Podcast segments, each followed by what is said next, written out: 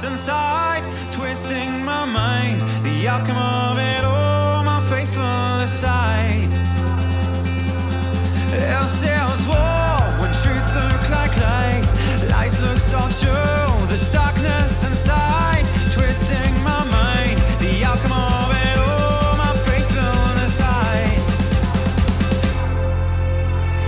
To tak, y, po długiej przerwie witam serdecznie e, w naszym podcaście Travel Ether.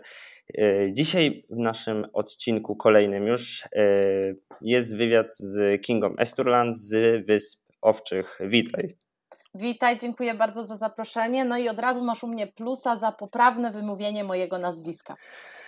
E, No słuchaj, bo też znalazłem inny podcast, inny podcast z tobą, więc ćwiczyłem, e, żeby, żeby wiesz, bo czasami mam osoby tej, wiesz, e, z Chińczykiem rozmawiałem i tak dalej, więc z osobami, które często mają nazwiska takie obco brzmiące, no nie, więc staram się, żeby jednak wymawiać poprawnie, więc cieszę się, że mi się udało. Tak, tak, gratuluję, gratuluję. Dobra, i to zaczniemy naszą rozmowę. E, Mi się wydaje, że około, mi się wydaje, że tak godzinki będziemy rozmawiać e, o Wyspach dobra. Owczych. Jest Mhm. to dość ciekawe. I to jest tak, że y, powiem teraz to, co udało mi się na Twój temat przeczytać, a Ty jakby coś y, poprawiaj mnie, jeżeli, jeżeli coś przekręcę. Dobrze. Y, bo już czytałem kilka z Tobą wywiadów różnych i też nie chciałbym, żebyśmy, w- że wiesz, żeby to był kolejny wywiad, w którym opowiadasz to samo, no nie? Właśnie tutaj od razu powiem Ci, że bardzo chciałabym tego uniknąć, żeby na przykład nie zaczynać znowu od genezy, jak trafiłam na Wyspy Owcze, bo tę informację można tak naprawdę znaleźć właśnie w innych rozmowach ze mną. I wydaje mi się, że to jest po prostu strata iluś tam minut, y, na co w ogóle moglibyśmy spożytkować na coś innego ten czas. Jasne, więc właśnie tak chciałem tylko krótko powiedzieć, że to, co udało mi się, jakby coś to mówię, e, poprawiaj mnie, Jasne. że zawsze, zawsze chciałaś mieszkać na północy i była to Islandia. Tak jest. E, między innymi, bo dostałaś jako dziecko Atlas i ciebie to bardzo zafascynowało. E, No ale trafiłaś na właśnie na Wyspy Owcze tak trochę przypadkowo. Twój mąż e, pochodzi z Rosji, e, zakochał się w Wyspach Owczych, mówi bezbłędnie po farersku. To są informacje, które udało mi się uzyskać. Wszystko I jak przy- na razie się zgadza. Super. Mój research jestem czasami pod wrażeniem samego siebie. E, I, i, aha, i co jeszcze chciałem powiedzieć, co może być dla widzów ciekawe, e, że przyjechał na Wyspy Owcze jako fotoreporter, jako fotograf, żeby fotografować e, piłkę nożną, jakieś e, E, To znaczy on nie przyjechał nożnej. jako, jako fotograf, tylko przyjechał jako dziennikarz, bo on pracował okej. wówczas e, w takim e, serwisie sportowym rosyjskim i akurat był mecz Wyspy Owcze Rosja. Nie pamiętam dokładnie jakie to były kwalifikacje, czy tam do Mistrzostw Europy, czy do innych, ale on przyjechał tutaj jako dziennikarz robić materiał z tego. Miał ze sobą jakiegoś tam kamerzystę i tak dalej, także on przyjechał tu jako dziennikarz sportowy. Mhm. No, no ale to mniej więcej, mniej więcej wiemy, dzięki, że sprostowałaś e, historię. I mi się wydaje, że to jest taka podstawa, która nam wystarczy, bo też tak jak sama mówiłaś, nie za bardzo chcemy tracić czas, żeby w kółko o tym samym rozmawiać. Tak jest. Mm, powiedz mi, jak, to, jak teraz w tym momencie, bo to, mi, to jest w sumie zastanawiające, bo ta obecna sytuacja na świecie pokazuje różne takie ciekawe rzeczy, no nie, społeczne, kulturalne i tak dalej. Powiedz mi, czy na Wyspach Owczych jakkolwiek zmieniła się sytuacja? W takim sensie, nie wiem, czy życie nabrało takiego, nazwijmy to w cudzysłowie, dramatycznego obrotu, czy nadal wszystko, e, nadal wszystko się toczy takim swoim dawnym rytmem?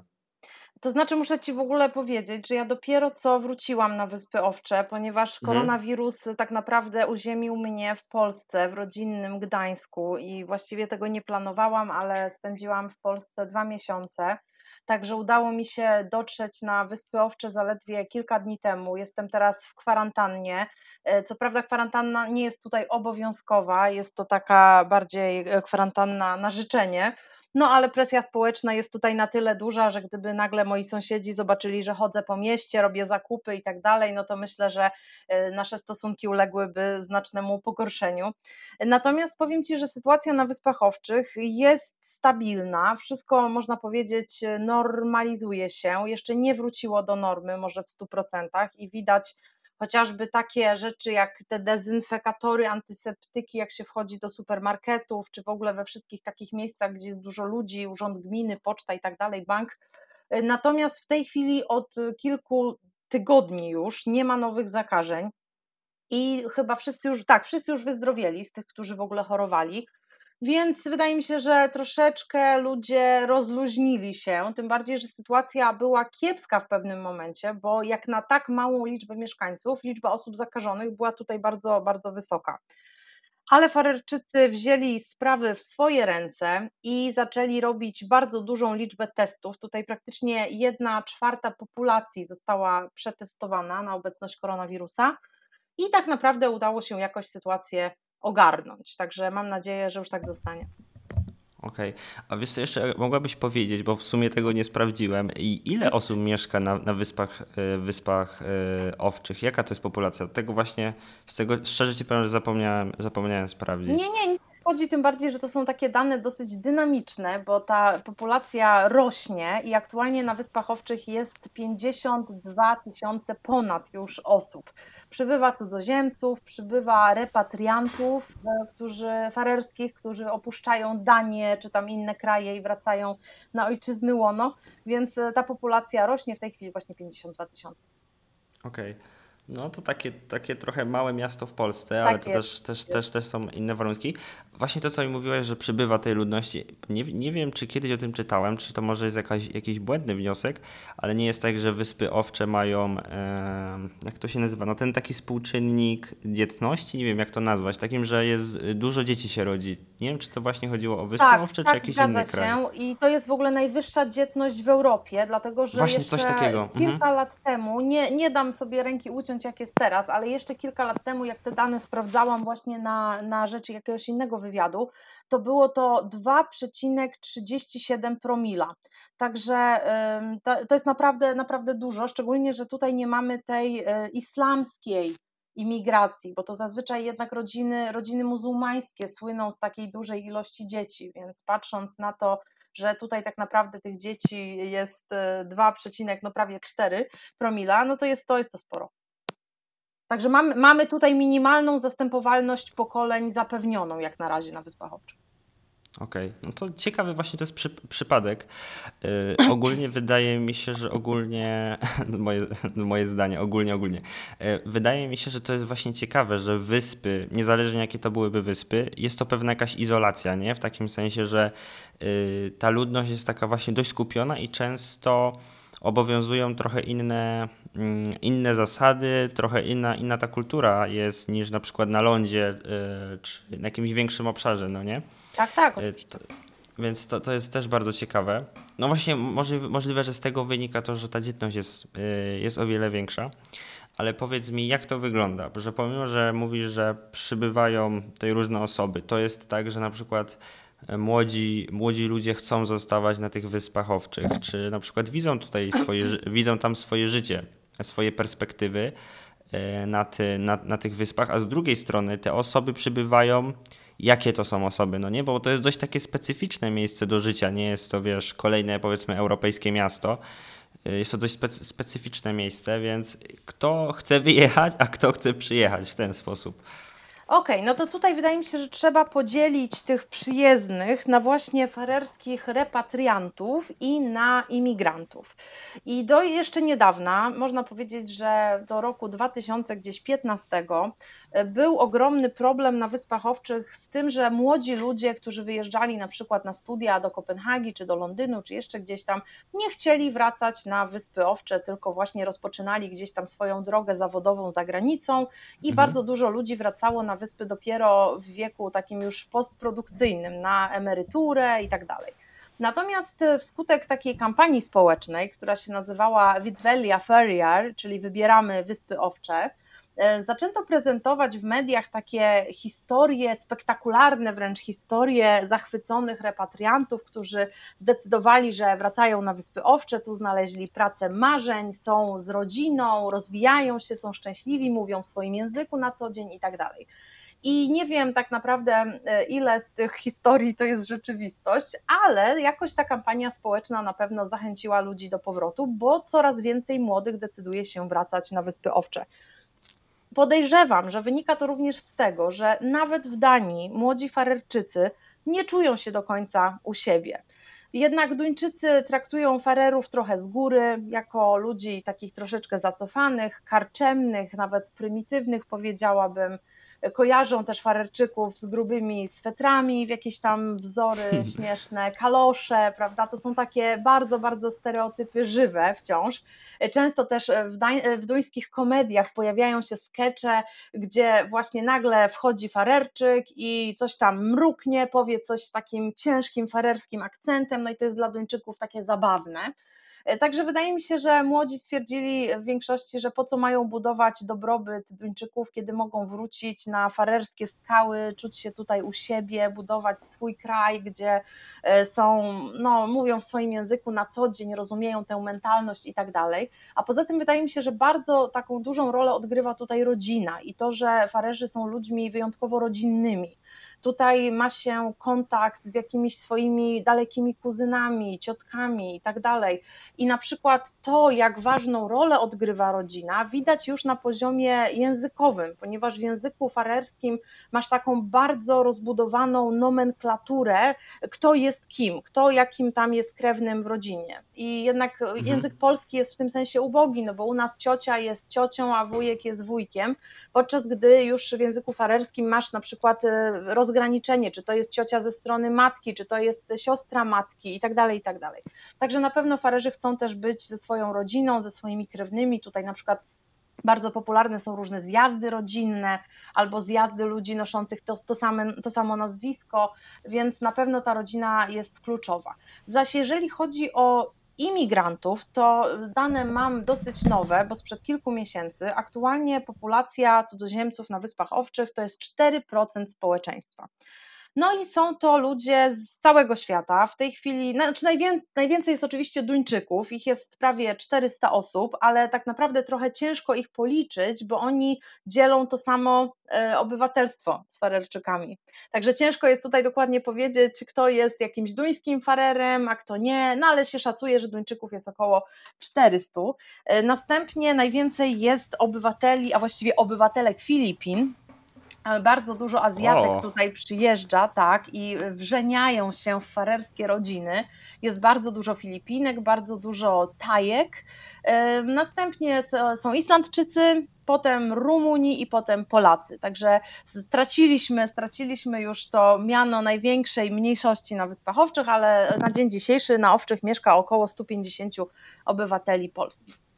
I narzekają na mieszkanie tam, czy czy ta Polonia jednak podoba im się, podoba im się to, co tam jest na tych wyspach? No wiesz co, to jest tak indywidualna kwestia. Wydaje mi się, że na pewno osoby, które są tutaj tymczasowo albo przyjeżdżają stricte do pracy, no to może mają mniej entuzjazmu względem Wysp Owczych, bo też wiedzą, że są tutaj czasowo, muszą zarobić, wyjeżdżają i tak dalej. Natomiast osoby, które są tutaj no tak już e, na stałe, na stałe i niektórzy są przecież tutaj kilka dekad, no to myślę, że na pewno można pokochać to miejsce. Na pewno dużą rolę odgrywa też kwestia przyzwyczajenia do tej pogody specyficznej i w ogóle do tych relacji społecznych tutaj, ale na pewno jest to miejsce, w którym się mieszka spokojnie i myślę, że bardzo wiele osób, które szukają jakiejś takiej spokojnej przystani w tym takim świecie niebezpiecznym i niepewnym i tak dalej, to na Wyspach Owczych ją znajdują. To jest też właśnie ciekawe, bo z tego co czytałem, to chyba na Wyspach Owczych nie ma więzienia, albo jest więzienie, które nie jest czynne w takim sensie, że nie jest używane, bo nie ma za bardzo przestępców. Nie, nie, no to to jest akurat tak... mit, to jest mit, A, no tak. Więzienie na Wyspach Owczych jest, tyle że ma ono charakter takiego aresztu, ponieważ wsadza się do niego tylko skazanych na kary do 6 miesięcy. Jeżeli jest jakaś dłuższa odsiadka wieloletnia za jakieś czyny już naprawdę takie kryminalne, no to wtedy przestępców wysyła się do Danii. Natomiast do 6 miesięcy wyroki odsiadywane są na Wyspach Owczych. Więzienie znajduje się w ogóle w takiej dolinie w górach, która się nazywa Mioszkardalur, to jest Dolina Mgieł. I no, można przejeżdżając obok, można wziąć to miejsce za luksusowy kurort narciarski, ponieważ są to takie bardzo przytulne budyneczki pokryte trawą e, na stoku górskim z pięknym widokiem na fiord, na zatokę Karlsbaksfjordur i więźniowie mają tam po prostu no, doznania estetyczne na najwyższym poziomie. E, jednak oczywiście nie jest to żadne więzienie o zaostrzonym rygorze, także niektórzy się śmieją, że to takie wakacje tam można wręcz odbyć, pograć trochę na PlayStation, poczytać, jedynie nie ma dostępu do internetu, ale e, tak to, to właściwie jest ok. No głównie przesiadują tam ludzie, którzy na przykład, nie wiem, za jakieś bójki portowe dostają wyrok, albo na przykład za jazdę po pijanemu, to się zdarza. Także no nie są to przestępstwa wielkiego kalibru. No widzisz, to między innymi po to są podcasty, żeby takie, e, takie mity dementować, nie? E, tak, tak, ja jestem akurat tam... E, pogromczynią mitów dotyczących wysp owczych, także z przyjemnością, z przyjemnością obalam różnego rodzaju. No widzisz, no bo wiesz, ja pewnie tutaj wielokrotnie będę jakieś takie gafy popełniał, no bo wiesz, skąd mam wziąć moją wiedzę? Na Wyspach Owczych nie byłem jeszcze, chociaż bardzo chcę się wybrać, ale jeszcze moja noga tam nie postawiłem tam mojej nogi na, na, na lądzie farerskim, więc wiesz, z internetu biorę wiedzę, żeby się jakoś przygotować, więc super, że, że właśnie może uda nam się, uda nam się e, kilka tych mitów może właśnie mm, obalić, co też jest ciekawe. Ja na przykład natrafiłam na mhm. sporą, sporą liczbę różnych takich przekłamań na blogach podróżniczych polskich, dlatego że ludzie przyjeżdżali tutaj w różnym czasie, zazwyczaj przyjeżdżali na krótko, na tydzień, na kilka dni, no i tak naprawdę bazowali tylko na tej wiedzy, którą przeczytali gdzieś albo to, na tym, co ktoś im tutaj powiedział, a jak wiadomo, wiele rzeczy się zmienia, także te posty tracą po prostu na aktualności. No ale właśnie obalamy mity z pierwszej ręki tutaj. Bardzo dobrze. Bardzo dobrze. Właśnie, i to teraz tylko do tego, co mówiłaś, że ktoś tutaj przyjeżdża, wiesz, na kilka dni, na tydzień. E, powiedz mi na przykład dla mnie, na ile musiałbym przyjechać na Wyspy Owcze? Nie mów mi, że od razu mam tam zamieszkać, bo nie o to mi chodzi. E, ale na ile miałbym przyjechać, żeby poczuć e, bardziej taki klimat, taki klimat, nie, nie mówię, że pogodę, ale klimat taki kulturalny, wiesz, żeby po prostu jakoś zobaczyć, wiesz, kto to jest farer, jak, jak się zachowuje. Wiem, że to tak trochę dziwnie brzmi, ale po prostu, żeby zobaczyć, poznać tą kulturę farerską w jakiś sposób. No to nie wiem, jak uważasz, yy, czy da się to zrobić, czy to są na przykład ludzie otwarci, czy na przykład jak Holendrzy, którzy tak trochę nie bardzo, w sensie są mili, ale tak, żeby się z nimi bardziej zaprzyjaźnić, to ciężko. To jak to tam wygląda u Was? E, no właśnie tutaj od razu rozgraniczyłabym otwartość z taką wolą zaprzyjaźniania się. Dlatego, że kiedy pierwszy raz przyjechałam na Wyspy Owcze, przyjechałam wówczas na prawie trzy tygodnie, no ale nie byłam tutaj do końca turystycznie, byłam na stypendium, także e, no nie mogę powiedzieć, że, że robiłam tutaj coś w stylu takiego turizmu brutal, zwiedzanie tylko i wyłącznie. E, natomiast wówczas natknęłam się na bardzo, bardzo wielu farerów. Oni byli strasznie życzliwi, co mnie zaskoczyło, bo jednak wcześniej miałam do czynienia z Duńczykami, a jednak Duńczycy są tacy mili, ale z rezerwą. Duńczyk na przykład nie chętnie zaprasza kogoś do domu, a jeżeli już zaprosi, to właściwie trzeba się cieszyć, jak się dostanie szklankę wody i bycie zaproszonym do Duńczyka na kolację, no to, to już muszą być jakieś takie bliskie więzi albo wręcz mhm. więzi jakieś zawodowe. Natomiast tutaj właśnie takie nieformalne, niezobowiązujące zaproszenie na kawę, na kolację, na ciasto, czy nawet, że ktoś podwiezie cię gdzieś e, zupełnie niezobowiązująco, jest właściwie na, na porządku dziennym. No i to jest oczywiście bardzo miłe. Fakt, że ja również przyjechałam tutaj w roku 2009, nie, przepraszam, 8, pierwszy raz, kiedy masowa turystyka w ogóle tutaj nie istniała i tak naprawdę każdy turysta budził dużo zainteresowania i ciekawości i farerzy, którzy sami na przykład dużo pływają, bo wielu jest tutaj oczywiście rybaków i no oni znają różne miasta portowe, w tym w Polsce i tak dalej.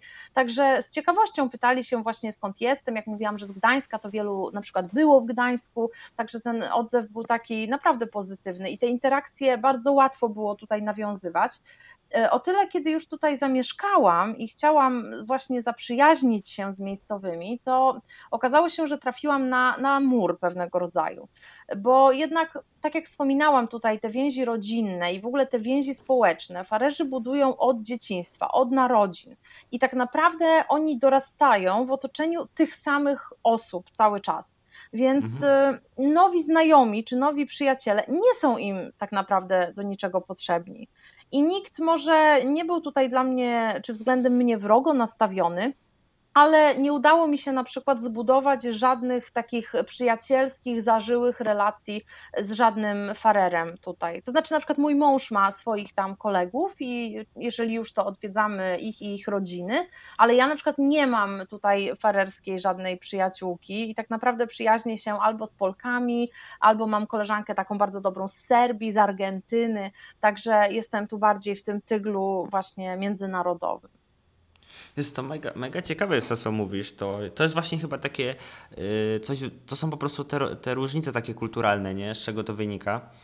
Yy, takie właśnie, takie, takie rzeczy. To jest dla mnie właśnie bardzo interesujące, nie? Bo w różnych krajach to, to bardzo, bardzo jest zróżnicowane i podzielone na, na różne takie drobniejsze rzeczy. Tak, ale od powiedz... razu chciałabym mhm. tutaj nadmienić, że nie mam żalu też o to do Farerczyków, bo nie chcę, żeby to brzmiało jakoś tak bardzo pretensjonalnie, że oto e, Kinga Esturland przyjechała i Farerczycy tutaj nie chcą się zaprzyjaźniać, dlatego że jak zadałam sobie pytanie, ilu mam obcokrajowców znajomych w Polsce, no to tak naprawdę ta odpowiedź była zero. Polsce mhm. wszyscy moi przyjaciele i znajomi to są Polacy i też są to osoby, które albo znam od dzieciństwa, albo chodziłam z nimi do szkoły, albo z nimi studiowałam i tak dalej. I no nie mam jakiejś koleżanki Ukrainki, czy Gruzinki, czy Tatarki, czy jakiejś innej, więc dlatego myślę, że działa to w dwie strony i stąd też farerzy nie szukają jakichś nowych tutaj przyjaźni na miejscu. Myślę, że byłoby też troszeczkę może łatwiej, gdyby mój mąż był takim rodowitym farerczykiem, bo wówczas towarzysko mogłabym wejść właśnie w jego jakieś tam koligacje rodzinne, no ale przez to, że oboje jesteśmy tutaj oderwani od e, tej farerskiej rzeczywistości i tego społeczeństwa, no to niestety, ale mamy utrudnione zadanie. Okej, okay, okej. Okay. No, może jest, to, może jest to specyfika właśnie, właśnie tego. A powiedz mi, ja na przykład, yy, bo to jest to, jest tak, że jeżeli, uwaga, teraz znowu może być mit, jeżeli żyjesz w kraju, nazwij, nazwijmy, że Wyspy Owcze są, są krajem albo jakimś terytorium zależnym, teraz to może nie ma znaczenia, y, w którym są cztery sygnalizacje świetlne y, w, w stolicy, no nie, a później taka osoba, która całe życie wychowała się y, właśnie w takim miejscu, no nie, to jeżeli ona jedzie na przykład do Danii, bo przypuszczam, że pierwszym miejscem, które e, większość farerów e, młodych odwiedza jest to Dania, no nie? Albo Wielka Brytania, bo chyba też połączenie macie ze stolicy, chyba gdzieś z, Wielką Brytanią, z tego co mhm, kojarzę. Tak, tak. E, no to nie wiem, czy jak to wpływa, myślisz, na, na, na takiego człowieka? Czy to jest, nie wiem, ciężko się jest przestawić, no bo też powiem to, że krajobraz się zmienia, no bo nagle nie ma pięknych, pięknych zielonych łąk, y, domków, y, domków z, drewnianych domków z mm, kry, krytych trawą, nazwijmy to, tylko po prostu jest miasto, no nie? Miasto takie typowo betonowe, typowo takie stłoczone, no nie? Mhm. Takie typowe europejskie miasto. I myślisz, że po prostu osobom, które jednak wychowały się no, blisko natury, bo jednak, jednak tak to jest, blisko oceanu, jakby jakoś, jakoś jest to połączone, no nie całe życie jest, jest, jest połączone z naturą mniej więcej. E, myślisz, że jest ciężko, albo nie wiem, bo albo możemy teraz, wiesz, snuć, snuć domysły, albo po prostu może masz doświadczenie na przykład, nie wiem, e, ktoś po prostu ze znajomych, nie, tam ktoś ci opowiedział coś, coś podobnego na przykład. No to tu od razu powiem Ci, że będąc w Kopenhadze, studiując w Kopenhadze, akurat miałam taką grupę znajomych farerów, którzy również przyjechali na studia do Danii. No i wówczas bardzo łatwo byłoby, było mi z nimi zawrzeć jakieś takie bliższe znajomości, ponieważ wszyscy byliśmy w tych samych butach. I ja, mhm. i oni, z daleka od domu, wszyscy studiowaliśmy i tak naprawdę w jakiś sposób mogliśmy się również wspierać. I wyobraź sobie, że większość z tych osób spotykam teraz na ulicach mojego miasteczka, no to znaczy, że oni wrócili tutaj na y, farerskie skały i tak naprawdę nie mogę powiedzieć, że tęsknią za Danią, czy że w ogóle z sentymentem wspominają tamte czasy. Po prostu musieli wyjechać na studia, odbębnić to, co trzeba zrobić, uzyskać dyplom, a następnie wrócili. Natomiast jeżeli chodzi o ten szok, to myślę, że już w tej chwili nie ma jakiegoś takiego przeskoku wielkiego cywilizacyjnego. Być może dawniej tak było, bo dawniej jednak ludzie nie byli tak mobilni i jak ktoś się wyrwał właśnie do Danii, czy do Norwegii, czy nawet na Islandię, no to, to już mogło budzić jakieś emocje. Natomiast no teraz jednak przy telewizji, gdzie można chociażby na ekranie zobaczyć, jak wyglądają różne miejsca na świecie, to myślę, że bardziej z taką ciekawością farerzy mm, jadą za granicę. I coraz więcej osób podróżuje coraz chętniej, powiedziałabym. Także mhm. myślę, że nie ma jakiejś takiej obawy, że ten świat zewnętrzny jest taki zły i niebezpieczny, a my na Wyspach Owczych mamy tutaj właśnie taką narnię i jest tak spokojnie. A w ogóle wiesz, e, jaki jest ulubiony kierunek wakacyjny farerów, jeżeli, jeżeli mają taki? Bo teraz mi w sumie przyszło do głowy, e, że czy mają jakieś ulubione miejsce, nie? Na przykład jak Polacy, no nie wiem, Chorwacja, nie? W sensie -hmm. jakoś tak zawsze ta Chorwacja e, w, albo Bułgaria, nie? To tak są takie kierunki, które jak myślimy o Polaku takim typowym i że na przykład gdzieś z rodziną jedzie, no to, to gdzieś tam te kierunki się pojawiają i farerzy mają jakieś takie swoje ulubione miejsce? Mają, mają i oczywiście farerzy muszą jechać do słońca, chcą się trochę powygrzewać, ale jest jeszcze druga rzecz, farerzy bardzo lubią połączenia bezpośrednie. Także jeżeli trzeba się już gdzieś przesiadać, to już im się nie za bardzo podoba, bo to już jest zbyt skomplikowane logistycznie i w ogóle zakup biletów ich wtedy przerasta i tak dalej. Także połączenia bezpośrednie. No i tutaj wychodzi, wychodzi z ofertą farerski przewoźnik narodowy Atlantic Airways y, i oferuje połączenia do Barcelony, na Wyspy Kanaryjskie, na Majorkę, y, no i jeszcze jakieś tam czartery chyba na Kretę, na Maltę swego czasu były. W każdym razie są to takie bardzo oblegane, oblegane połączenia. Natomiast to, co rozbawiło mnie kilka lat temu, mianowicie sąsiadka moja pojechała na Majorkę na dwa tygodnie i właśnie taka była zadowolona, że wyjedzie, wreszcie zmieni otoczenie i tak dalej. I okazało się, że w tym samym hotelu, gdzie mieszkała ona, było chyba osiem innych rodzin czy tam par farerskich. Także okazało się, że po prostu całe towarzystwo z Wysp Owczych przeniosło się na dwa tygodnie na Majorkę. zdarza się, zdarza się. Fajnie, fajnie. Mm. Yy, Okej, okay. czekaj, bo teraz tak się często mam tak, że jak się wsłucham, jak, jak gość coś mówi, to później mam problem, żeby zadać kolejne pytanie. No to cieszę się, że to było takie ciekawe. To jeszcze tutaj może dodam, że bardzo takie popularne są i były weekendowe wycieczki i farerzy bardzo chętnie jeżdżą na przykład do Kopenhagi na zakupy, czy do Londynu, e, czy do Reykjaviku nawet, dlatego że jednak tutaj mamy niedostatek pewnego rodzaju marek w stylu, nie wiem, H&M, czy jakaś Zara, czy Ikea, IKEA, no tego tutaj nie ma, także y, stąd właśnie popularność tych weekendowych, weekendowych wyjazdów. To tak, ja czytałem kiedyś książkę, książkę o Islandii, mm, Szepty kamieni, może A, tak, tak, Berenika i Piotrek, pozdrawiam. Tak. A, okej, okay, czyli zna, znacie się. Znamy, znamy się i się lubimy, tak. Okej. Okay. I oni chyba tam właśnie pisali, że albo to nie oni, ale z tego co pamiętam to oni, bo to czytałem już kilka lat, praktycznie zaraz jak ta książka wyszła, e, to chyba, że też Islandczycy właśnie albo zamawiali paczki z ubraniami, albo jeździli na zakupy do, do Stanów Zjednoczonych czy do Kanady, bo oni w sumie mhm. leżą niedaleko. Coś takiego tam było, więc yy, pod, podobne, podobna sytuacja, nie? Tak, tak. Islandia nie. akurat jest w takim rozkroku między Europą tak, a tak. Stanami, tak. więc mhm. mogą, mogą rzeczywiście wyskoczyć e, do Stanów na zakupy. A propos, ma być połączenie niedługo już, jak mam nadzieję to wszystko wróci do jakiejś normy, e, między Owczymi a Nowym Jorkiem, czy właściwie New Jersey, bo to będzie to lotnisko Newark. Także mhm. E, może wtedy Farerczycy właśnie również będą wyjeżdżali do, do Stanów, tam na Manhattan na zakupy. Natomiast tu z paczkami mamy ten problem, że niestety wszystkie paczki podlegają ocleniu i są otwarte otwierane. Na Islandii chyba to samo właśnie tak, było. Oni też tak. tam coś chyba pisali, że coś tam właśnie się tukli o te, o te cło, coś tam, coś tam, coś tam było. tak, więc często więc opłaca się mhm. właśnie pojechać, polecieć gdzieś na weekend, obkupić się i przywieźć wszystko samemu na owcze, no bo wtedy można wiadomo kupić więcej i tak dalej, a wtedy udaje się uniknąć cła, także jest to problem. Można zamawiać tylko do 300 koron wartości rzeczy, czyli to jest raptem 150 zł, także nie jest to zbyt wiele. Właśnie. I to, to, to jak już gadamy o zakupach, no to o zakupach. E, powiedz mi, czy to jest może głupie pytanie, ale czy można wszystko dostać na, na Wyspach Owczych i na przykład jak jest z cenami, nie? Czy na przykład jeżeli chciałbyś kupić nowy telefon, czy on jest Mhm. droższy niż w Kopenhadze na przykład?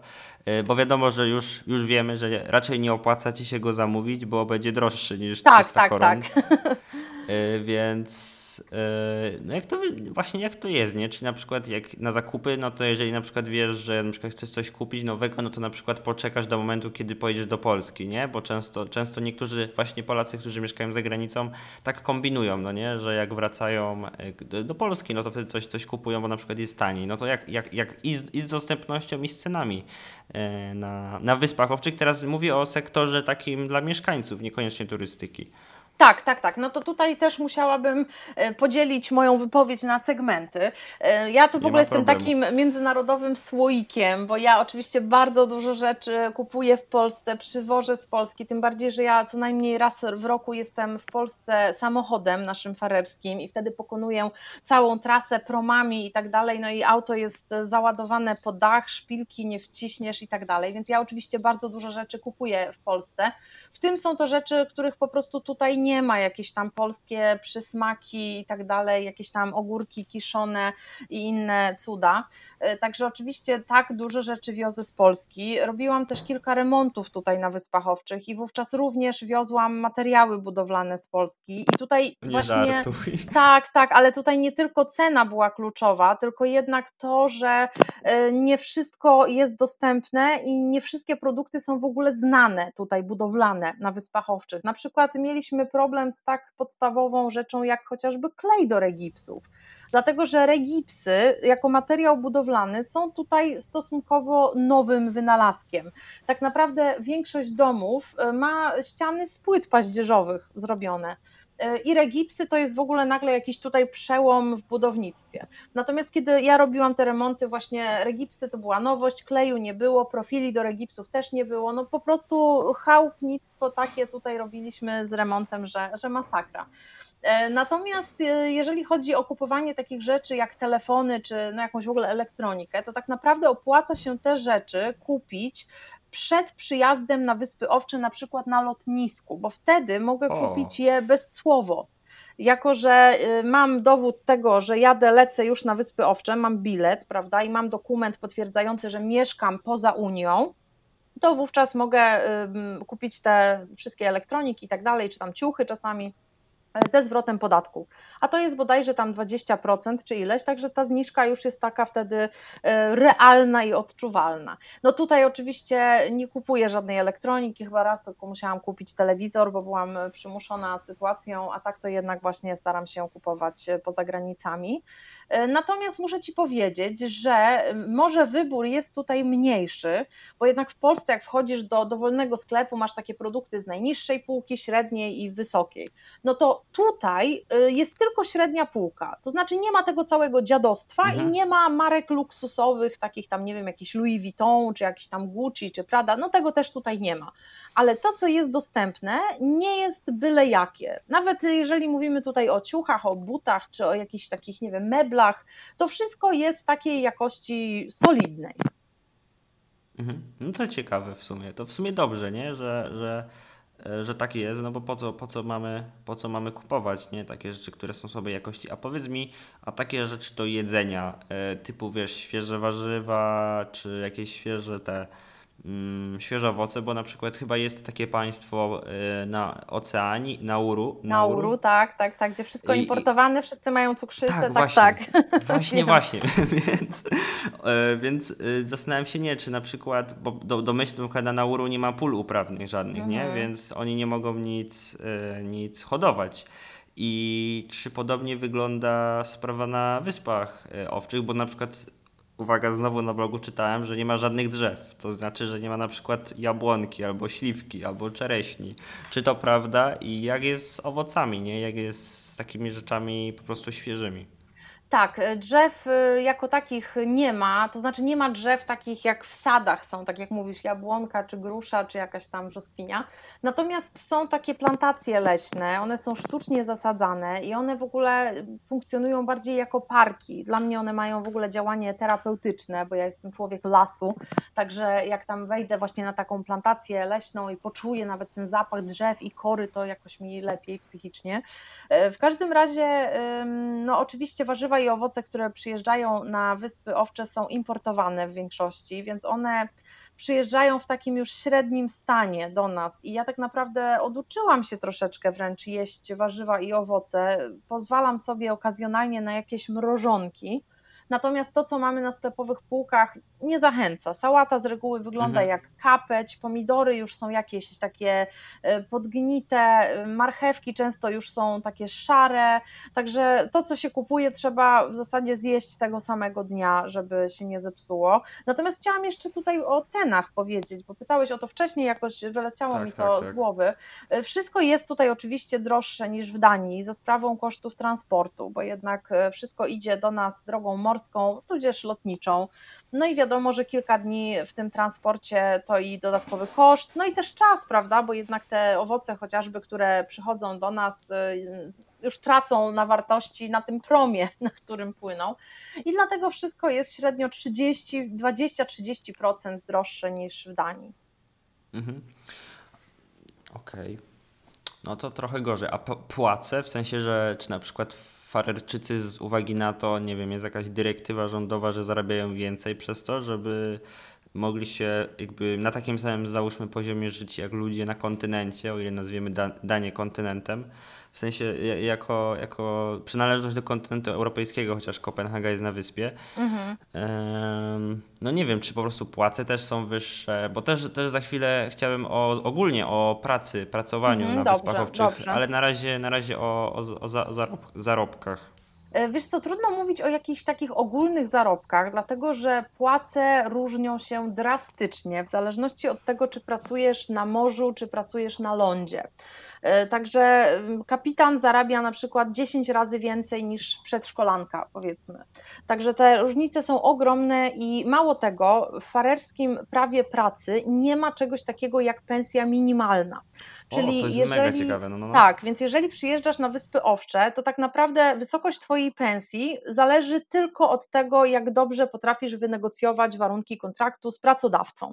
I tyle. I może być, że w jednym na przykład, nie wiem, zakładzie y, jakimś tam samochodowym lakierniczym czy tam jakimś, jeden mechanik zarabia tyle, drugi zarabia tam jakąś inną stawkę, trzeci ma na przykład jeszcze inne warunki, w zależności od tego, jak byli w stanie sobie wynegocjować. Są na Wyspach Owczych związki zawodowe, które oczywiście stają na straży w momencie, kiedy jakiś pracownik już jest jawnie um, jakiś tam oszukiwany i tak dalej, ale no tak naprawdę związki nie mogą tutaj walczyć o to, że ty zarabiasz 10 koron mniej niż twój kolega z pracy za dokładnie tę samą pracę. Mhm. Mhm. No ciekawe, ciekawe. I bo też właśnie mówiłaś, że, mm, że jak przyjechałaś pierwszy raz na Wyspy Owcze na te trzy tygodnie, to że jeszcze wtedy ta taka masowa turystyka nie była rozwinięta, no nie? Mhm.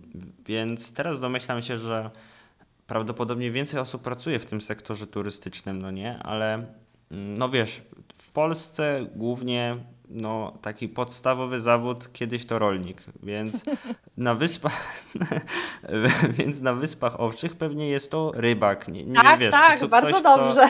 Kto, no widzisz, główka pracuje, nie? myślimy, myślimy. E, e, wnioski, głębo, głębokie wnioski wysnułem, e, że prawdopodobnie jest to rybak. Tak, łączysz kropki, łączysz kropki Łączy kropki, dokładnie. I powiedz mi, w tym momencie, że na przykład no w Polsce, umówmy się, słowo rolnik, zawód rolnik nie wywołuje specjalnej zachęty u młodzieży, u ludzi młodych.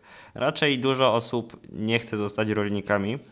E, I też ten, wydaje mi się, że ten zawód specjalnie wysokiego takiego statusu społecznego nie ma. A powiedz mi, jak to wygląda właśnie na Wyspach Owczych, nie? gdzie ten woda was otacza z każdej strony absolutnie, więc um, czy jest jakiś taki respekt do ludzi, morza, lu, ludzi morza, ludzi wody, którzy pracują z tym żywiołem? Wiesz co, ja bym w ogóle powiedziała, że na Wyspach Owczych y, ludzie szanują siebie nawzajem, bez względu na to, czy jesteś sprzątaczką, czy jesteś rolnikiem, czy jesteś rybakiem, czy jesteś dyrektorem, nie wiem, szpitala, to jest ogólny szacunek do człowieka jako do osoby, a nie do stanowiska. I to jest, wydaje mi się, coś, czego powinniśmy się uczyć od farerów, bo jednak w Polsce jest ta stygmatyzacja i właśnie podziały, że ja jestem Mhm. panią nauczycielką, a ty jesteś na przykład Jasne. panią sprzątaczką i przez to ja jestem lepsza i zasługuję na szacunek, a ty co najwyżej na dzień dobry ode mnie, prawda? E, Także wydaje mi się, że jak najbardziej e, jest szacunek, ale tu jest po prostu szacunek do, do wszystkich. Tym bardziej, że ludzie wiedzą, że praca to jest e, na chwilę, to jest na czas określony i często jest Mhm. tak, że na przykład e, ludzie przychodzą do przetwórni e, rybnej na kilka miesięcy, bo chcą podreperować domowy budżet albo chcą na przykład zarobić pieniądze na podróż dookoła świata albo na jakieś tam, nie wiem, jakąś inwestycję, czy zarobić przed studiami na przykład, więc y, tutaj no nie ma jakiejś stygmatyzacji z tego, z tego tytułu.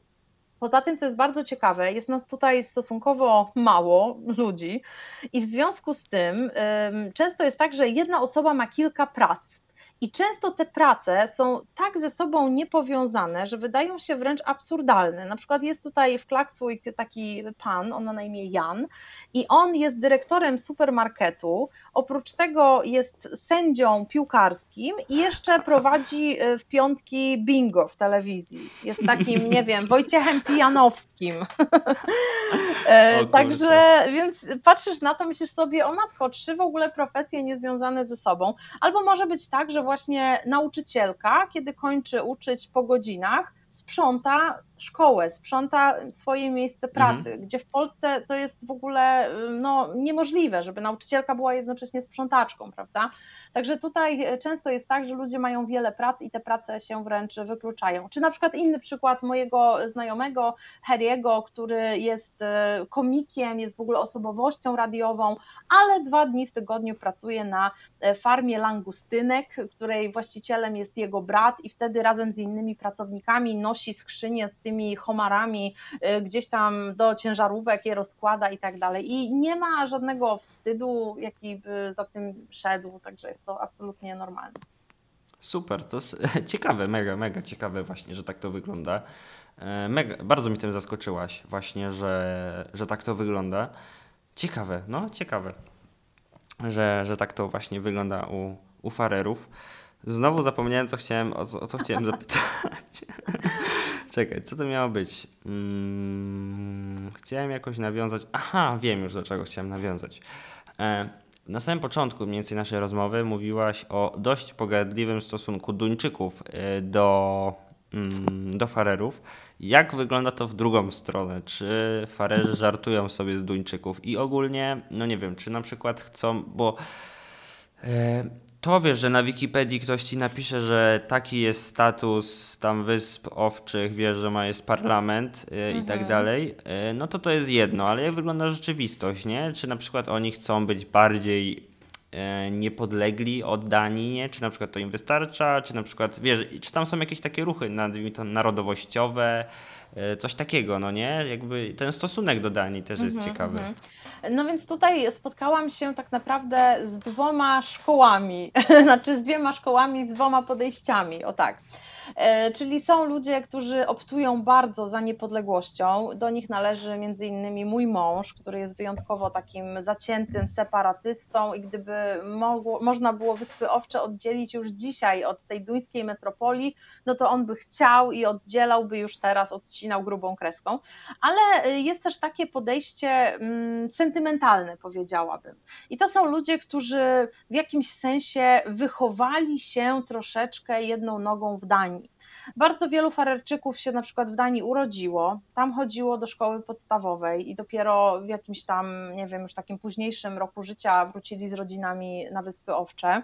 Poza tym sporo osób ma takie sentymenty związane z wakacjami w Danii, że na przykład jeździli do Kopenhagi z rodzicami właśnie na te zakupy, czy na wakacje chodzili do Tivoli, do tego takiego parku rozrywki e, w A, Kopenhadze. tak, tak, tak. Mhm. Tak, więc y, sporo osób myślę, że ma tego typu sentymenty wynikające po prostu ze szczęśliwego dzieciństwa i jakichś tam miłych wspomnień z tego okresu i tak dalej. Poza tym na pewno kiedyś Dania była bardziej obecna na takim poziomie tutaj kulturalnym, że na przykład w telewizji było więcej duńskich programów, bajki dla dzieci były na przykład z duńskim dubbingiem, więc już te dzieci chłonęły język. A teraz myślę, że troszeczkę jednak ze sprawą i internetu, no i w ogóle tego angielskiego, który stał się takim językiem wiodącym na świecie jako język obcy, że chyba jednak ten duński troszeczkę odszedł już do lamusa. Także Mhm. na pewno, zresztą kiedyś nawet znajoma, taka w moim wieku, 30-letnia, powiedziała, że y, jak na przykład kupuje jakiś sprzęt i szuka instrukcji obsługi, to w pierwszej kolejności szuka angielskiej wersji językowej, nie duńskiej. Czyli Mhm. to też oznacza, że już ten angielski również stał się językiem dominującym. I dopiero mówi, że jak na przykład nie ma angielskiej wersji, no to wtedy dopiero szuka duńskiej. Natomiast e, jest oczywiście spora grupa ludzi, którzy, którzy chętnie widzieliby Wyspy Owcze jako niepodległy kraj, ale z drugiej strony mam takie wrażenie, że Farerzy są trochę jak takie duże dzieci, nastolatkowie, którzy chcą korzystać z życia i o nic się nie martwić i nie chcą tej odpowiedzialności za niepodległość, bo jednak niepodległość to jest odpowiedzialność, bo tutaj jest tyle kwestii do omówienia przy niepodległości małego kraju. Ja oczywiście nie mówię, że to jest niemożliwe, no bo masz kraje, które są mniejsze od owczych, jak chociażby Nauru wspomniane, jak Tuwalu, y, no jak nie wiem, Monako, prawda, czy jakieś Mhm. tam inne, San Marino i tak dalej. E, Natomiast y, no mimo wszystko tutaj trzeba by na przykład kwestie wojska dogadać, bo Wyspy Owcze nie mają własnej armii, na razie broni nas Dania, Danię wspiera NATO i tak dalej, więc tutaj trzeba pomyśleć, no co robimy, tak? Czy robimy tak jak Islandia, że też wchodzimy do NATO, czy wchodzimy w jakiś sojusz z kimś i tak dalej, czy jednak z Danią zostajemy w kwestii obronności. Poza tym co z walutą na przykład, w tej chwili płacimy koroną duńską, czyli o wszystkim decyduje duński bank centralny, ale no na przykład y, czy chcemy być zależni od Danii ekonomicznie, bo jak w Danii na przykład będzie hiperinflacja, to tutaj też i wtedy dlaczego ma się to za nami ciągnąć, więc może lepiej zacząć płacić euro, albo dolarem, albo funtem, albo no czymś jeszcze, także tu jest naprawdę bardzo dużo takich pól do dyskusji i podstawowe pytanie, no na jak szeroką niepodległość w ogóle można sobie pozwolić, będąc tak małym, małym kraikiem, prawda? E, Także te kwestie są, są żywe, dyskutuje się o tym. Często to są nawet rozmowy przy posiłkach, które domownicy prowadzą. No ale jak na razie żadnych konkretnych posunięć nie ma. Myślę, że gdyby dzisiaj było referendum niepodległościowe, to wynik byłby podobny jak do tego w Szkocji w 2014 roku, czyli Mhm. że 55% byłoby przeciwko niepodległości, a 45% za że jednak e, farerzy chcą mieć tą taką poduszkę bezpieczeństwa, że właśnie gdyby coś poszło nie tak, jakby nawet teraz koronawirus, prawda, to Dania zawsze nam pomoże. Okej, czyli jednak ta, jednak ta Dania jest tam e, z tyłu głowy. I powiedz mi też z takiego historycznego punktu widzenia, teraz zacząłem się nad tym zastanawiać, bo na przykład państwa komunistyczne bardzo dążyły do tego, żeby e, państw, żeby były jednolite, no nie? Tak na przykład ostatnio czytałem o Rumunii, która bardzo chciała, która była bardzo wieloetniczna, chciała, żeby była Mhm. bardzo rumuńska. Mhm. E, więc na przykład, nie wiem, czy Dania bardzo wpływała, no nie, na przykład e, na Wyspy Owcze. Nie wiem, czy Wyspy Owcze miały wcześniej inną walutę, e, czy zawsze to była korona duńska, ale na przykład jeżeli była inna, czy, czyli na przykład, czy naciskali, żeby właśnie wprowadzić tą koronę duńską, a na przykład teraz z drugiej strony, no bo to jest dla nas trochę ciężkie, no bo na przykład ja nie znam duńskiego, wiesz, jak wygląda polityka, nie? Czyli na przykład, czy Kopenhaga w ogóle zajmuje się wyspami e, owczymi, no nie? W takim sensie, czy w ogóle politykom zależy, czy ten temat jest poruszany w jakiś sposób w lokalny, czy jest jakiś odzew, no nie? W stronę, w stronę farerów, czy, czy, czy coś, na przykład, że oni chcą coś zmienić, czy, czy, czy w ogóle stolica bierze to w jakikolwiek sposób pod uwagę, czy jednak właśnie ta, nie, ta taka niezależność jest na tyle duża w tym momencie, no, że ze wszystkim sobie sami radzą Farerczycy. Mhm. No tutaj autonomia, którą mają farerzy, ona tak naprawdę jest y, w jakimś tam ograniczonym zakresie, chociaż i tak trzeba przyznać, że farerzy y, no bardzo dużo wygrali na tej swojej autonomii. W ogóle nie wiem, czy wiesz, że na Wyspach Owczych było już referendum niepodległościowe w Nie 1946 wiedziałem, nie roku. Mhm. I y, było ono wygrane na rzecz niepodległości.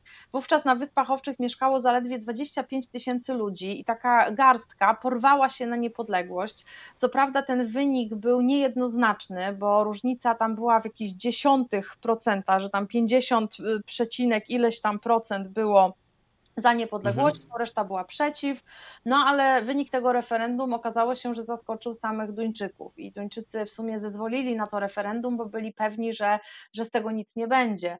E, no a tu farerzy ich zaskoczyli i wtedy Duńczycy powiedzieli, że słuchajcie, no jednak e, może trochę się pośpieszyliśmy z tym referendum, tym bardziej, że dopiero się skończyła wojna, może zaraz będzie nowa wojna i tak dalej, i tak dalej, więc tej niepodległości wam nie damy, ale damy wam właśnie tę szeroką autonomię. No i od 1948 roku właśnie Farerzy mają, mają autonomię w ramach Królestwa Danii i tak dalej. Natomiast e, nie jest to żadna łaska ze strony Duńczyków, bo trzeba przyznać, że Duńczycy byli bardzo agresywnymi kolonizatorami.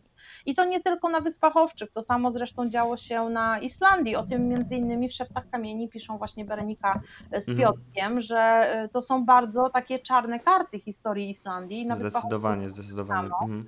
Y, również na poziomie językowym ta kolonizacja była bardzo agresywna i język farerski został zepchnięty właśnie do, y, do takiego jakiegoś narzecza praktycznie, że jednak każdy, kto chciał pracować w administracji, czy się kształcić, czy no w ogóle mieć jakąś taką karierę i ścieżkę rozwoju i tak dalej, no to musiał znać duński, uczyć się tego duńskiego, mówić po duńsku i tak dalej. Natomiast farerski był kojarzony właśnie wtedy z tymi takimi rybakami, prostymi chłopami, gdzieś tam hodowcami hodowcami tutaj owiec i tak dalej. Więc było to no, nieprzyjemne i jakże inne od tej dynamiki, która teraz panuje, panuje w społeczeństwie. E, no na szczęście udało, udało się Farerczykom zachować ten język i tak dalej. Zresztą język farerski to jest w ogóle bardzo ciekawe, bo on przez wiele, wiele lat, właściwie dekad, jak nie stuleci, funkcjonował tylko w formie ustnej nie było w ogóle pisanego farerskiego. Mhm. Także dopiero został on usystematyzowany dużo, dużo później i ta pisownia farerska, która jest teraz, jest tak naprawdę stosunkowo młoda. Więc y, to, że Farerom udało się zachować język y, przy właśnie tej duńskiej kolonizacji, to jest ogromny powód na pewno do dumy. I nic dziwnego, że dzisiaj ten duński jest po prostu tak traktowany trochę jako język wroga, jako język okupanta. Natomiast jeżeli chodzi o mieszanie się Danii w ogóle tutaj w politykę, to są takie sfery, o których Farerzy mogą decydować sami. Mają nawet do tego ministerstwa, jest na przykład Ministerstwo Rybołówstwa, Ministerstwo tam Kultury, Infrastruktury, Spraw Wewnętrznych i tak dalej i tak dalej, ale są rzeczy, które właśnie cały czas Dania narzuca, no ale też finansuje, jak na przykład policja, jak na przykład służba zdrowia, e, na przykład są trzy szpitale tutaj na Wyspach Owczych, największy jest oczywiście w stolicy, ale nie wszystkie zabiegi, czy nie wszystkie w ogóle procedury medyczne e, jesteśmy w stanie zrobić tutaj na miejscu, więc w przypadku jakichś tam bardziej skomplikowanych operacji, nie wiem, kardiologicznych, czy tam jakieś, to pacjenci są wówczas wysyłani już do Danii albo na Islandię, także ta, jest taka współpraca tutaj nordycka w tym zakresie. Także Dania na pewno ma coś do powiedzenia, ale Farerzy tak coraz bardziej chcą przesunąć tę granicę decyzyjności. Mhm, mhm, ciekawe. Ciekawy, przypadek po prostu e, tej polityki, nie? Właśnie, właśnie wys, Wysp Owczych. E, powiedz mi, ponarzekajmy trochę powiedz mi, tak trochę na zakończenie, e, jakie są najgorsze rzeczy związane z Wyspami Owczymi? Czego tam nienawidzisz po prostu? Bo wiadomo, można kochać, można absolutnie kochać, ale można też nie lubić. Mogą rzeczy, które po prostu są wkurzające na przykład. Nie? Ja na przykład bym się wkurza, jakbym miał nieświeżą marchewkę, bo ja lubię warzywa, więc dostałbym prawdopodobnie szału. No dobra, jakbym tam był tydzień, to może bym wytrzymał, nie? E, ale potem mogło być ciężko. Więc co ciebie tam po prostu denerwuje, nie? Co ciebie tam jakoś wkurza? Jasne, słuchaj, ja nie idealizuję bynajmniej Wysp Owczych, także mam tutaj oczywiście jakieś trupy w szafie farerskie, które no wiem, że są i jakoś muszę je y, po prostu oswoić i okiełznać i tak dalej. No takim na pewno najgorszym czynnikiem tutaj jest pogoda.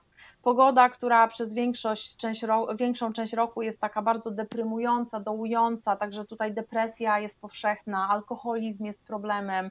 No zresztą nie tylko na Wyspach Owczych, tylko w ogóle w tych szerokościach geograficznych jest to, jest to problem. To prawda. Mhm. E, więc ta pogoda na pewno nie sprzyja temu, żeby, nie wiem, cał, codziennie się uśmiechać i być w ogóle super jakimś ożywionym, e, energetycznym i tak dalej. E, natomiast no my jeszcze z mężem mamy tutaj e, ten plus, że farerskie zimy spędzamy zazwyczaj w Urugwaju, gdzie się wygrzewamy wówczas. Też także... o tym właśnie czytałem. Tak, o tak, więc to jest. Mhm. to jest rzeczywiście taka wartość dodana, kiedy można wyjechać z Wysp Owczych w tym właśnie najczarniejszym i najzimniejszym okresie i my to właśnie robimy i będziemy, mam nadzieję, robić jak najdłużej. E, także rzeczywiście wtedy łatwiej jest trochę przetrwać, ale nawet latem zdarzają się dni, które są takie ciężkie, deszczowe, y, są sztormy, czasami ta pogoda jest bardzo taka wręcz niszczycielska i są tutaj straty materialne, czasami ktoś nawet zginie, więc y, bardzo wszystkie ostrzeżenia pogodowe trzeba traktować tutaj poważnie. Poza tym ta drożyzna wszechobecna jest irytująca, tym bardziej, że znam ceny poszczególnych produktów z Polski chociażby i wiem, że dana rzecz wcale nie musi kosztować tak dużo. Y, Mhm. I często denerwuje mnie, kiedy wiem, że przepłacam trzy razy na przykład za jakiś produkt. Także jest to bardzo, bardzo frustrujące. Poza tym y, trochę czasami męczy mnie mm, ta taka mm, duchota małego społeczeństwa. To, że wszyscy patrzą wszystkim na ręce, że dużo się plotkuje, komentuje, że tak naprawdę mm, czujesz, że generujesz zainteresowanie innych ludzi. W sumie nie wiadomo właściwie czemu. Ja akurat y, większą część życia spędziłam w dużych miastach, więc nie mam takiej małomiasteczkowej mentalności i na początku bardzo właśnie mnie irytowało to, że y, dlaczego ludzie się mną interesują, skoro ja się nimi na przykład nie interesuję. No ale Mhm. potem zrozumiałam, że jest to po prostu część tutaj tej dynamiki społecznej i, i tyle, no i trzeba z tym żyć ym, i tyle. Natomiast ym, z takich jeszcze bardzo ciemnych stron Wysp Owczych, no to na pewno y, jest to właśnie alkoholizm, jest to pedofilia, która jest takim problemem, o którym farerzy niechętnie rozmawiają z ludźmi z zewnątrz, traktują to, że to jest nasz tutaj trup w szafie i, i, i to jest tylko nasza sprawa. Także nie chcą, żeby w ogóle opinia publiczna, jakaś międzynarodowa się tym interesowała, a problem jest naprawdę duży i cieszę się, że przynajmniej teraz mówi się już o tym, uświadamia się i ludzi, w sensie dzieci, rodziców i tak dalej, ale no jeszcze 10 lat temu to była naprawdę taka tajemnica Poliszynela. I myślę, że to chyba wszystko, także z takich, z takich ciemnych stron. Okej, okej. No, dla- ka- w, każdym, w każdym kraju coś jest. Ale powiem Ci tak, że a propos właśnie tej pedofilii, to jeżeli to jest temat, o którym się też nie interesują e, jakoś media zagraniczne, no bo ja na przykład o tym nie słyszałem absolutnie, nigdzie tego nie przeczytałem, to jest jeszcze sprawa, o którą oczywiście każdy, cały świat się interesuje i zaraz koło Wysp Owczych się pojawia. I jest to ta, nie wiem, nie chcę tego rzezią nazywać, e, ale jest to, jest to ta tradycja związana z grindwalami, tak? Mhm, czyli to są te mhm. wieloryby. I nie chcę, żebyśmy teraz rozstrzygali, czy to ma sens, czy to nie ma sensu, bo uważam, że to nie jest nasza rola w tym momencie. Tylko powiedz mi, jak się z tym czują Farerczycy po prostu, nie? Czyli jak, jak się czuje e, osoba, która ma swoją tradycję i cały świat zaraz, zaraz po tym, jak się dowiedział, gdzie są Wyspy Owcze, prawdopodobnie nawet nie wie, gdzie leżą, ale bardzo chętnie się wypowie na ten temat. E, No zazwyczaj w bardzo negatywnym e, w ne negatywnym e, tonie, więc jakie są ich opinie na temat tego, co, co piszą o nich e, zagraniczne media, nie? Czy w ogóle docierają do nich takie informacje, nie? Tak, tak, oczywiście, że docierają, tym bardziej, że wielorybnictwo ma ogromny tutaj wpływ chociażby na turystykę, y, czy w ogóle na jakieś tam dziedziny mm, handlu i tak dalej, dlatego że y, zdarza się, że inne kraje bojkotują Wyspy Owcze właśnie ze względu na te tradycje wielorybnicze. Chociażby w zeszłym tylko roku aż dziewięć statków pasażerskich stwierdziło, że nie przypłynie, nie będzie stało y, na Wyspach Owczych, właśnie żeby tutaj zbojkotować e, wielorybnictwo. Natomiast sami farerzy są w tym zakresie nieugięci i są tak przywiązani do tej tradycji i w ogóle do samego mięsa, do tej waleniny, że nie chcą z tego rezygnować, chociaż tak naprawdę między Bogiem a prawdą to nie muszą już tego robić. Nie muszą już polować na Grindwale, bo jednak sklepy są zaopatrzone we wszystko praktycznie i, i nie wiem, no można przecież jeść kurczaka, ale z drugiej strony lubią to mięso, lubią to mięso tak jak nie wiem, Polacy lubią karpia zjeść na Wigilię i czasami sposób y, zabijania tego karpia no też nie jest humanitarny, gdzie żywego karpia przynosi się w reklamówce do domu i ten karp tam już ledwo no. zipie, potem jeszcze próbuje dojść do siebie w wannie i jak dojdzie do siebie, to wtedy my go tam już y, no, tniemy i, i tyle. Także ja też oczywiście nie chcę tutaj brzmieć jako obrończyni wielorybnictwa, mm, ale też uważam, że jestem tutaj gościem, więc nie powinnam tutaj, nie wiem, być jakimś przedstawicielem tutaj Sea Shepherd czy Greenpeace, czy tam jakiejś innej organizacji ekologicznej. Tym bardziej, że no, hipokryzją by to było z mojej strony, bo sama jem okazjonalnie greenwale, lubię nawet to suszone mięso jeść i serwuję też to moim turystom, także no, zdarza mi się, że to jem, ale z drugiej strony no, farerzy tutaj na razie nie są gotowi w ogóle do żadnych nawet dialogów, już nie mówię o kompromisie jakimkolwiek w tym zakresie. Po prostu to jest część ich tożsamości i oni, no podejrzewam, że że też właśnie przez tę duńską kolonizację i przez to, że walczyli tak o, o zachowanie tej tożsamości, to nie chcą dać sobie tego tutaj wyrwać, prawda, tego, tego wielorybnictwa. No ale oczywiście są to sceny makabryczne, z tym, że one są szeroko komentowane, ponieważ to wszystko się dzieje w przyrodzie, na jakiejś tam otwartej przestrzeni. Ja myślę, że gdyby ktoś odwiedził rzeźnię, e, gdzie cały ten ubój dzieje się za zamkniętymi drzwiami, no to te przeżycia byłyby chyba jeszcze bardziej szokujące niż e, w sumie taka rzeź wielorybów. E, no ale no to już też, prawda, kwestia w ogóle etyki, dlatego że jednak wieloryby całe życie pływają sobie wolno i tak dalej. Ich zabicie trwa kilka sekund, bo to jest tylko przerwanie rdzenia kręgowego i tyle. A jednak zwierzęta hodowlane, które się tam tłamszą we własnych odchodach i tak dalej, i w ogóle mają beznadziejny ten żywot no to, to nie wiem tak naprawdę na ile są w lepszej pozycji niż, niż Grindwale. Ale nie, nie, widzę, mhm. nie widzę żadnych szans na razie na przerwanie tego procederu, ani w ogóle na jakiekolwiek tutaj dialogi w tym zakresie.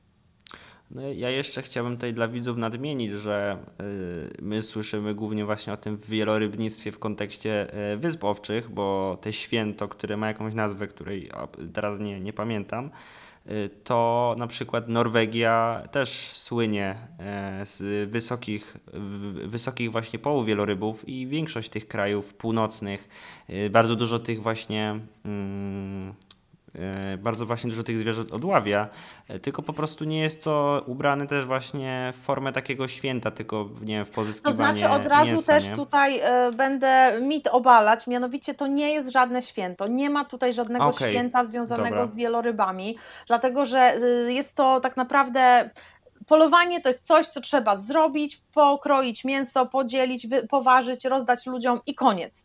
I nie jest to związane z żadnym festiwalem, to nie jest żadna przyjemność, no bo jednak stanie po pas w zimnej atlantyckiej wodzie nikogo naprawdę nie podnieca, jest to wszystko krwawe, nieprzyjemne, więc trzeba to jak najszybciej zakończyć. Kiedyś było rzeczywiście tak, ale to mówimy o XIX wieku, czy nawet wcześniejszych jeszcze wiekach, że na plaży miały miejsce takie te tańce korowodowce farerskie przy ognisku, ale to było dlatego, że nie było takich ubrań, jak teraz są, prawda, takie wodoodporne i wiatroodporne i tak dalej i ludzie się w ten sposób ogrzewali w czasie polowania. Mhm. Natomiast nie ma to nic wspólnego z jakimś radosnym wydarzeniem i, i tutaj w ogóle trzeba to jak najbardziej podkreślić, że jest to robota do wykonania i tyle. E, natomiast racja, że e, po, znaczy też nie nazwałabym tego połowem, dlatego że łowi się ryby, a Grindwale to są ssaki. Przepraszam, przepraszam. Także powiedziałabym bardziej polowania, że polowania Dobra. na Grindwale mhm. mają miejsce właśnie w Norwegii, na Islandii, na Grenlandii, w Japonii przecież zabija się setki tysięcy Grindwali rocznie. No tu jeszcze trzeba nadmienić, że Grindwale nie są gatunkiem zagrożonym. To nie jest jakiś tam płetwal błękitny czy coś tam. Ich jest dużo, populacja jest duża. E, no rocznie na Wyspach Owczych zabija się, nie wiem, od tam 100 do 1000 może sztuk, także to też nie są aż takie straty w skali no, świata, prawda, te, te e, polowania tutaj, ale to prawda, że Wyspy Owcze są bardzo stygmatyzowane, jeżeli chodzi o polowania, a na przykład nikt nie mówi o tym w kontekście Japonii, bo Japonia kojarzy się się bardziej z wysokimi technologiami, z jakimiś przepracowanymi ludźmi, y, z jakąś kulturą, tam nie wiem, kawaii, manga, coś tam, anime i tak dalej. I gdzieś te polowania są tak trochę z tyłu, prawda? A jednak Wyspy Owcze no, często z tego tylko słyną. Zresztą jest taka bardzo ciekawa publikacja pana Toma Neuerby, który napisał książkę No Nation is an Island i on mówi tam, że paradoksalnie wyspy owcze, które przez bardzo długi czas chciały zostać zauważone na arenie narodowej, e, międzynarodowej, żeby ktoś właśnie dostrzegł, że jest taki archipelag i tak dalej, no to paradoksalnie wielu dowiedziało się o wyspach owczych za sprawą właśnie Grindadrap, za sprawą polowania na Grindwale. I paradoksalnie czarny PR sprawił, że to się stało jakimś znakiem rozpoznawczym wysp owczych. O kurczę, no to tro, trochę nie tak jak miało być. No to właśnie, właśnie. Dobra, dobra. To zmierzając już powoli słuchaj do końca, tym pozytywnym akcentem będzie, będziemy kończyć naszą rozmowę. Tylko zawsze pytam moich gości, czy mogą polecić jakieś dzieło kultury, które mogą z nami się podzielić. Może to być książka, może to być film. Eee, no to ja w takim inny, razie pozwól, Tymku, pozwolę sobie tutaj na autopromocję, jeżeli chodzi o dzieło Nie ma kultury. problemu, segment autopromocji też jest bardzo ważny. tak, więc e, jeżeli chodzi o dzieło kultury, to bardzo, ale to bardzo serdecznie Tobie i słuchaczom chciałabym polecić przewodnik po Wyspach Owczych, przewodnik kulturowo-turystyczny, którego mam zaszczyt być współautorką. E, pisaliśmy go w takim pięcioosobowym składzie, ale zaprosiliśmy też do tego projektu różnych fachowców z konkretnych dziedzin, żeby podzielili się swoją wiedzą tam z zakresu architektury, muzyki, filmowania i tak. Jest to powiedziałabym najpełniejsza tego rodzaju publikacja no, na świecie, już nawet nie w Polsce, ale na świecie, bo nie znam pełniejszego przewodnika. Dlatego właśnie stawiamy też bardzo na tę warstwę kulturową. Jest również spory fragment dotyczący pracy i emigracji na Wyspy Owcze, więc również osoby, mhm. które planują przeprowadzkę, powinny zaopatrzyć się w ten przewodnik, jak po prostu w Biblię i jakieś w ogóle tam instrukcje znaleźć. No i co, premiera w czerwcu, wydaje to wydawnictwo Trump i jeszcze w tej chwili można kupić książkę w przedsprzedaży na stronie wyspy-owcze.pl. Chyba jest będzie jeszcze 20% rabat, mhm. tak, także zapraszam, polecam. E, no i tyle. Super. Super. Powiedz jeszcze, gdzie można Cię znaleźć. Powiedz, yy, naj... gdzie można Cię znaleźć po prostu, gdzie piszesz o Wyspach Owczych, bo wiem, że są takie miejsca. To też e, kolejny segment autopromocji dla Ciebie. E, tak, na pewno można znaleźć mnie w magazynie Zew Północy, gdzie już od wielu, wielu lat mam swoją taką kolumnę, nie wiem, sekcję, czy jak to się mówi, o Wyspach Owczych i piszę tam o takich wręcz nietypowych zagadnieniach dotyczących Wysp Owczych. Tam redaktor naczelny daje mi wolną rękę, mam bardzo dużo swobody, także y, tam na pewno można znaleźć coś więcej niż takie podstawy, że Wyspy Owcze to 18 wysp na Oceanie Atlantyckim i tak dalej, i tak dalej. Także jeżeli ktoś już jest zainteresowany jakimiś takimi niuansami, to tam zapraszam. Zapraszam na mojego Instagrama, którego prowadzę wraz z mężem. Konto nazywa się The Easterlands. Również tam w opisie mam nadzieję, że gdzieś to wstawisz. E, Jasne, Poza będzie, tym prowadzę będzie. bloga o Danii, nazywa się się kierunkdania.pl i można znaleźć mnie na Facebooku, na fanpage'u Polonia Farerska, gdzie wrzucam różne e, wiadomości na gorąco z Wysp Owczych, jakieś tam aktualizacje i tak dalej. Także e, sporo mnie w internecie, sporo mnie w kontekście Wysp Owczych, Danii, ale też Urugwaju czasami. Super, super. No to tak, auto, segment autopromocji zakończony. e, więc tak, e, wid, e, widzowie i słuchacze, bardzo proszę wchodzić w, po, w poniższe linki oraz kupić książkę, co ja na, co ja na pewno zaraz zrobię e, po tej rozmowie, bo interesujący jest to temat, a możliwe, że jeszcze do tematu e, wysp e, owczych wrócę kiedyś w tym podcaście, więc po prostu bogatsze o wiedzę mogę zadawać kolejne pytania. Bardzo no, Ci serdecznie no. dziękuję za Mam tą rozmowę. Mam nadzieję, Tymku, no. że następny podcast nagramy już na Wyspach Owczych, jak przyjedziesz mnie kiedyś odwiedzić. No nie mów, no, no dobra, nie ma problemu. Nie ma problemu. Myślę, że jest to dobry pomysł yy, i jeżeli ta pogoda farerska na mnie pozytywnie wpłynie, to może mi się głowa rozjaśni. Jeszcze lepiej będę kropki łączył, no nie? No miejmy nadzieję. A jeżeli nie, jeżeli będzie cały czas deszcz i mgła i jakieś sztormy, to po prostu będziemy siedzieć pod dachem i nagrywać kolejne audycje. Dokładnie, bardzo, bardzo się cieszę, bardzo mi się podoba ten pomysł. Myślę, że niebawem e, może uda się nam go zrealizować. Więc jeszcze, słuchaj, jeszcze raz serdecznie Ci dziękuję, że zgodziłaś się e, ze mną spędzić tą godzinę ponad w tym momencie i, i opowiedzieć nam o, o Wyspach Owczych. Serdecznie Ci z tego miejsca dziękuję. Ja również dziękuję za zaproszenie. No i wiesz, czas szybko leci, jak się człowiek dobrze bawi. Także mam nadzieję, że nasi słuchacze bawili się równie dobrze. Dziękuję Ci. Dziękuję.